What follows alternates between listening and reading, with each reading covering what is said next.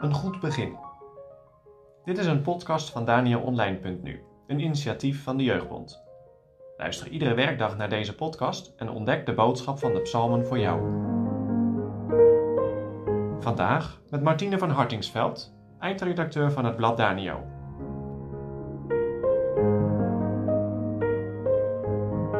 Vandaag lezen we de eerste vijf versen van Psalm 56, de bergbeklimmer en David. Een gouden kleinoot van David voor de opperzangmeester op Jonat Elem Reshokim, als de Filistijnen hem gegrepen hadden te gat. Wees mij genadig, o God, want de mens zoekt mij op te slokken. De ganse dag dringt mij de bestrijder.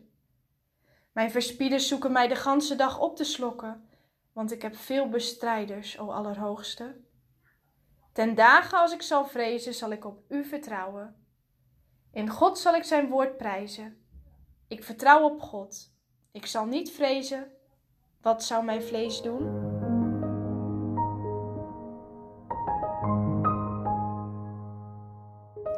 Erik Arnold, een Nederlandse bergbeklimmer, stond op de hoogste plaatsen van de aarde en hij had nog één droom: het beklimmen van de Mount Everest. Die klim is gevaarlijk. Het vraagt jarenlange training en het duurt ook nog eens weken voordat je de berg helemaal beklommen hebt. Erik probeert het vier keer. Maar het mislukt steeds. De eerste keer wordt zijn wandeltocht beëindigd door een lawine. De tweede keer moet hij teruggaan omdat hij half bevroren is. De derde keer lukt het niet vanwege de aardbeving in Nepal.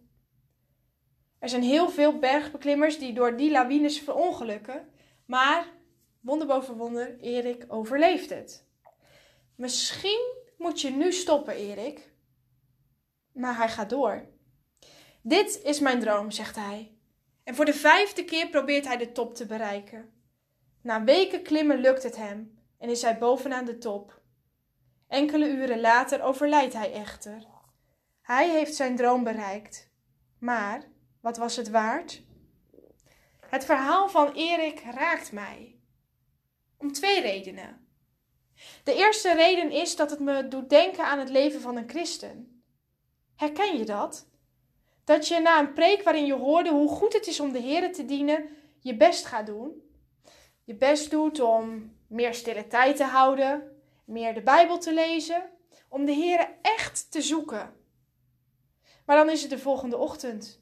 Heb je net iets te lang gesnoest en dan moet je haasten om op tijd op je werk te zijn. Je Bijbel ligt ongeopend op je nachtkastje. Of je besluit om aardig te zijn en een praatje te maken met het meisje dat altijd alleen is op school. Maar je hebt het veel te gezellig met je eigen vriendinnen om aan haar te denken. Elke keer mislukt het, die goede voornemens, ondanks alles wat jij probeert. Het blijkt uiteindelijk uit alles wat je doet. Je leeft het liefst voor jezelf.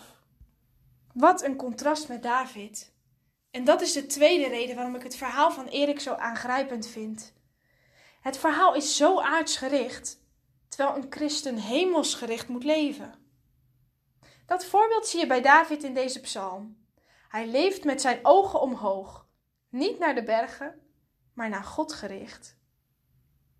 David heeft het moeilijk. We lezen in het eerste vers dat de Filistijnen hem gegrepen hebben in gat. En David doet zoals hij zo vaak doet. Hij bidt tot de Heere om hulp. Misschien valt jou dit ook wel op nadat je meerdere van onze podcasts hebt gehoord. David gaat steeds naar de Heere als hij het moeilijk heeft.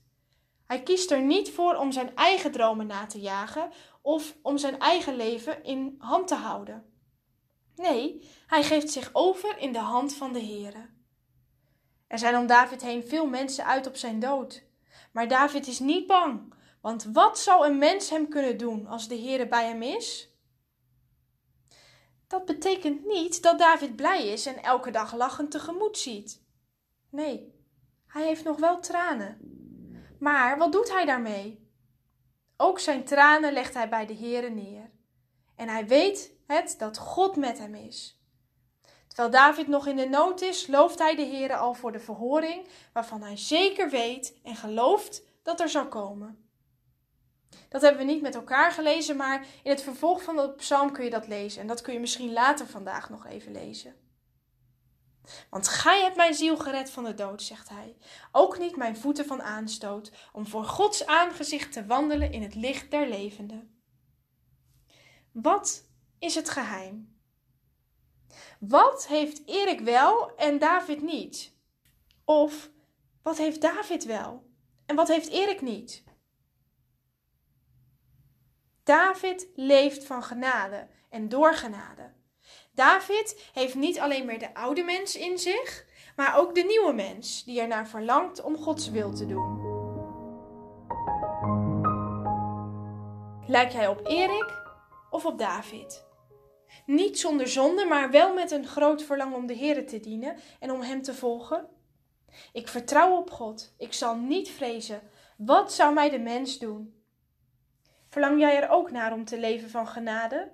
Vlucht dan naar de plek waar het te krijgen is. Want al wat u ontbreekt, schenk ik zo gij het smeekt, mild en overvloedig.